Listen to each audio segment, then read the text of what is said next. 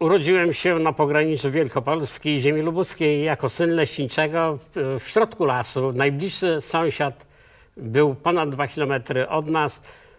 No, myślę, że to jest doświadczenie, które wyrobiło we mnie taką specyficzną e, wrażliwość. No właśnie, że człowiek cenił innych, no, tak, którzy się bardzo rzadko pojawiali u nas. No i wrażliwość e, spowodowaną bliskością e, natury. Drugi taki ważny moment w moim życiu to jest nauka w, w liceum ogólnokształcącym w Olsztynie. To jest tam parędziesiąt kilometrów od Zielonej Góry, 60, niecałe 60 kilometrów, e, gdzie po prostu mnie nauczyli robić użytek z własnego rozumu, to znaczy wierzyć we własne siły.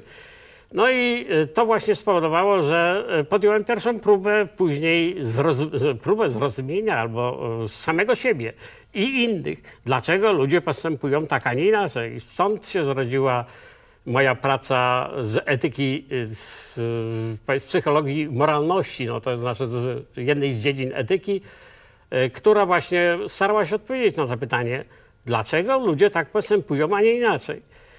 Y, Te y, badania połączone razem z tą doświadczeniami z okresu dzieciństwa, bo całe dzieciństwo spędziłem w lesie, spowodowały, że wkrótce przez kilkanaście lat zajmowałem się problematyką ekologiczną, to znaczy etyką środowiskową, ekofilozofią i y, no, nawet miałem w tej mierze pewne osiągnięcia. Między innymi moja praca habilit- habilitacyjna powstała z etyki środowi- środowiskowej, ale kiedy ją już została opublikowana, kiedy y, y, praca została obroniona, okazało się, że taki w naszym kraju nastąpił uwiąd y, dyskusji ekologicznych.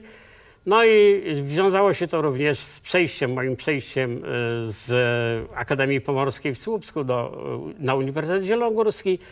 Tam priorytet miały badania w zakresie historii, filozofii. No i tak zostałem historykiem filozofii,